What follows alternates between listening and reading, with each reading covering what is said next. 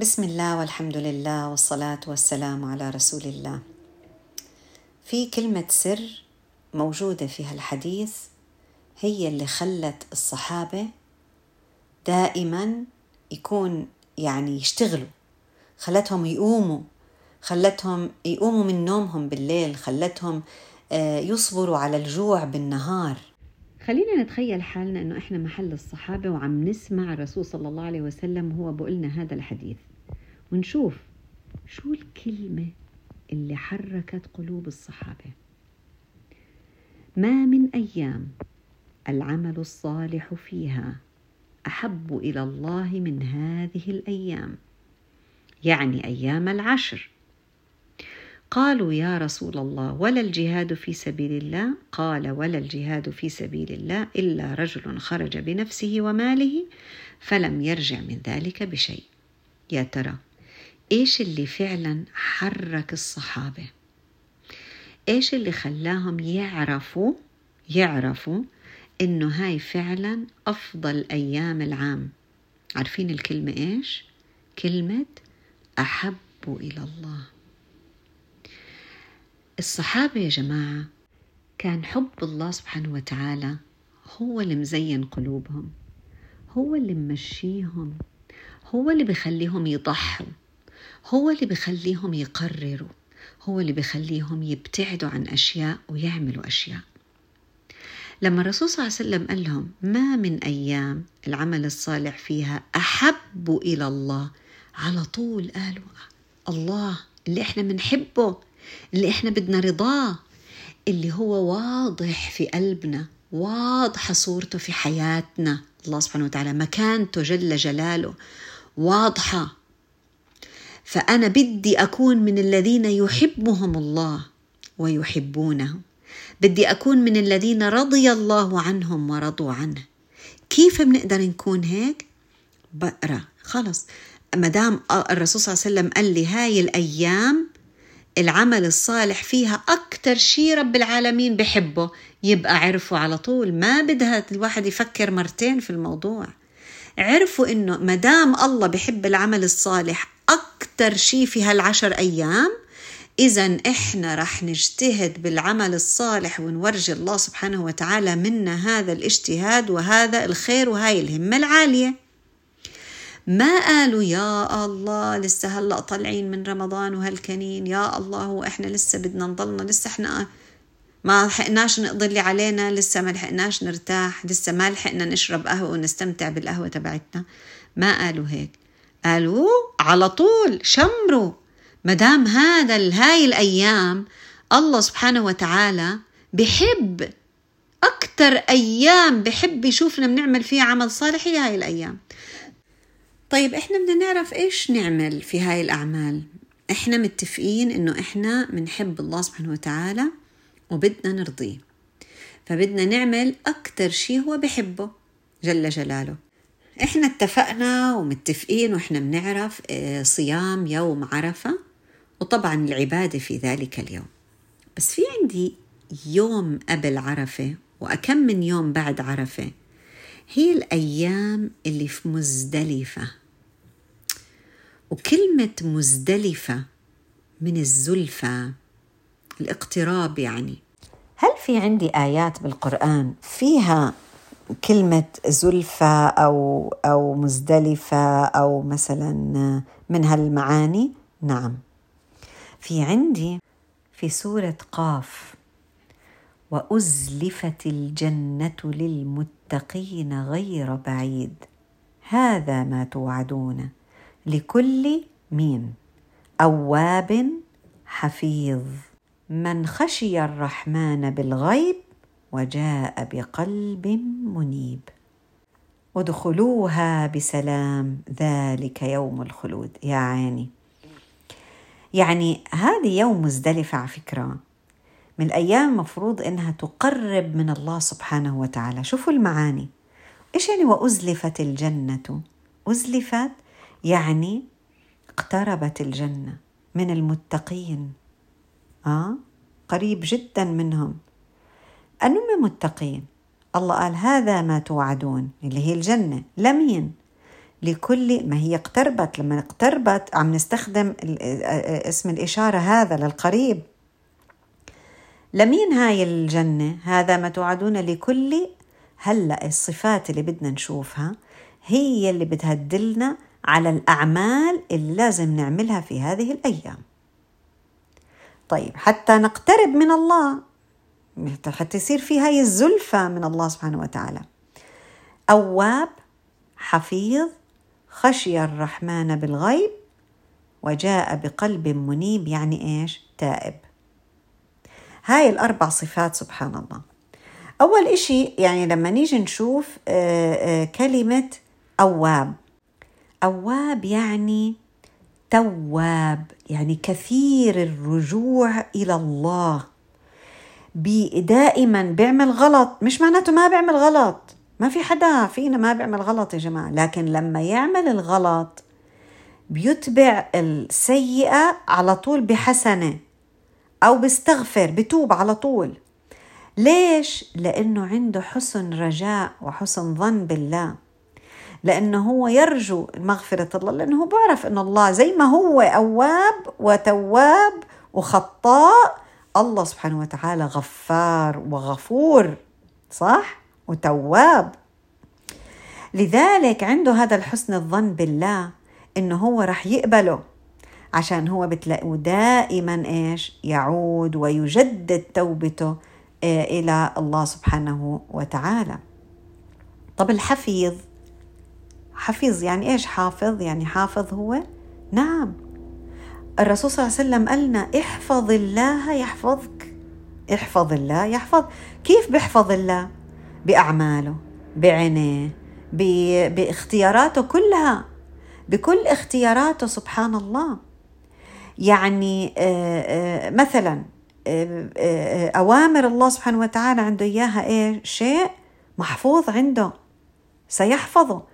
أنت أول ما يا أيها الإنسان تعمل أوامر الله سبحانه وتعالى وتبتعد عن نواهي أنت هيك حفظت نفسك من كتير أشياء. حفظت نفسك من وسوسة الشيطان ومن ومن كيده. حفظت نفسك من إنك تقع في أخطاء كتير كبيرة. آه، آه، حفظت نفسك من إنك أنت تضيع وما تتوب. حفظت نفسك من إنك أنت لا تخسر الأجور الكثيرة. يعني بزداد عندك درجة الورع اللي هي إيش؟ أنا ما بديش أعمل إشي ولا بدي أقرب من إشي ممكن يخليني أغلط. أحسن ما بعدين رب العالمين إيش؟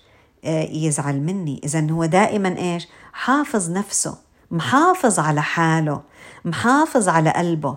نكت نكتة سوداء استغفر على طول. دائما في مراقبة. احفظ الله شو بتلاقي النتيجة؟ يحفظك. الله سبحانه وتعالى رح يحفظ لك شبابك ويحفظ لك يحفظ لك كل إشي. سبحان إيمانك. وهذا أهم إشي. الصفة اللي بعدها من خشي الرحمن بالغيب. شو يعني يخشى الرحمن بالغيب؟ الخشية يا جماعة إنما يخشى الله من عباده العلماء. إيش يعني؟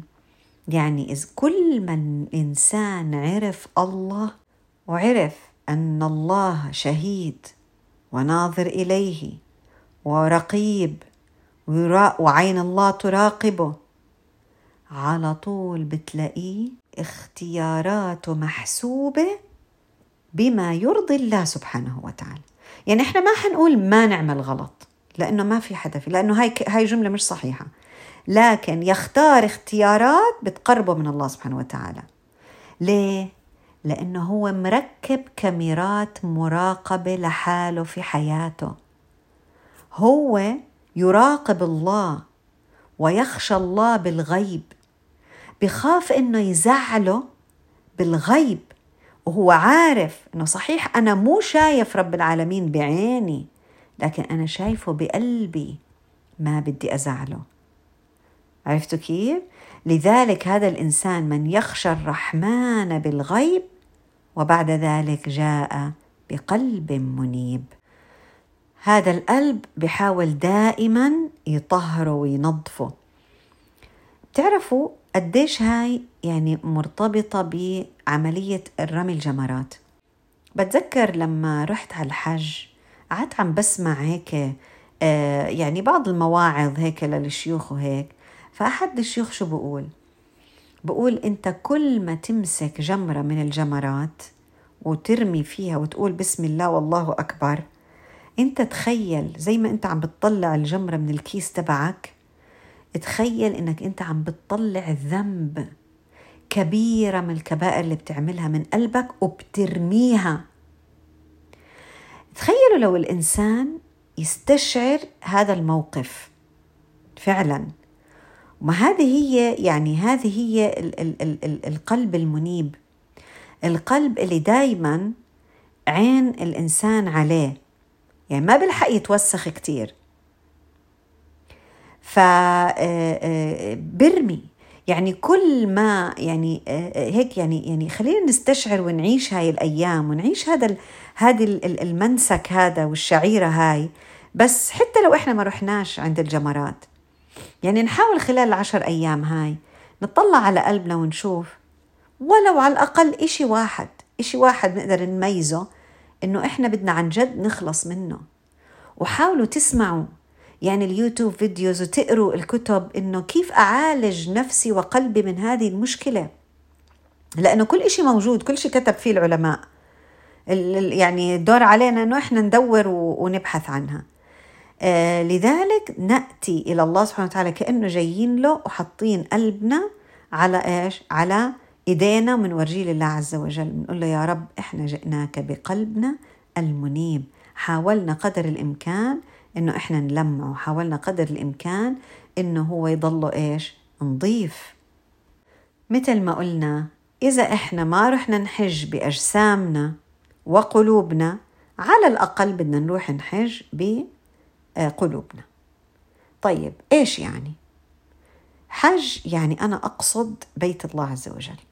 إحنا كمان قلبنا سيقصد تلك البقعه سيقصد الله. عشان هيك عنوان هاي الأيام التوحيد. إحنا قلنا إنه أيامها مفضلة حتى يقال إنه أيامها أفضل من لياليها لكن الأيام والليالي كلياتها إيش؟ فضيلة. طيب إيش أسوي؟ إحنا ممكن مثلا النهار عادة شو ممكن الواحد يعمل؟ ممكن يأمر معروف عنها عن المنكر. ممكن مثلا يعمل صدقات. ممكن إنه يصوم. تخيلوا إنه يا جماعة يعني آه، آه، يعني الله سبحانه وتعالى يقول إلا الصوم فإنه لي وأنا أجزي به. الله سبحانه وتعالى بيقول من صام يوم يوم لله هيك لله عز وجل باعد الله بينه وبين آه، النار سبعين خريفا. طيب اللي ما صام واللي عليهم قضاء برمضان بقول لك العلماء أفضل شيء إنك أنت تصوميهم بهاي الأيام تقضيهم. لأن ما تبدي بنافلة وإنت عليك دين. فإذا إنت عندك دين من رمضان حاولي إنك تقضي بهالأيام إذا إنت ما قضيتيه من قبل. طيب وكمان آه التوبة. التوبة زي ما قلنا قلب منيب. دائما استغفار. هذا الاستغفار لازم دائما يكون إيش؟ آه على لساننا وقلبنا كمان. وعشان رب العالمين يغفر لنا يا جماعة مش إحنا لازم نغفر لبعض؟ إذا لازم نحاول نتسامح هذا التسامح جدا جدا عند الله سبحانه وتعالى. آه يعني الجزاء من جنس العمل. إذا أنتم تسامحتوا مع بعض ربنا بيسامحنا وبيغفر لنا. تغافرنا مع بعض ربنا بيغفر لنا. فنحاول نحاول قد ما نقدر إنه إحنا يعني نخلي هاد أهدافنا عالية مع الله عز وجل.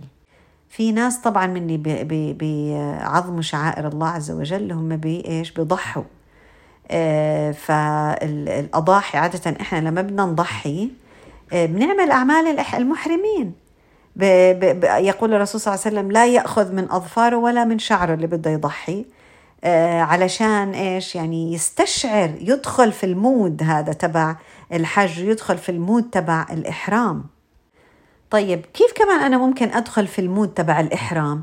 إني أنا أحرم على حالي معاصي معينة. خلاص أنا أقول خلاص انتهى الموضوع. أنا تضييع وقت ما في ما حتى لو كان بهالعشرة بس. أنا مثلا آآ آآ نظر إلى حرام ما في. أنا استماع إلى حرام ما في.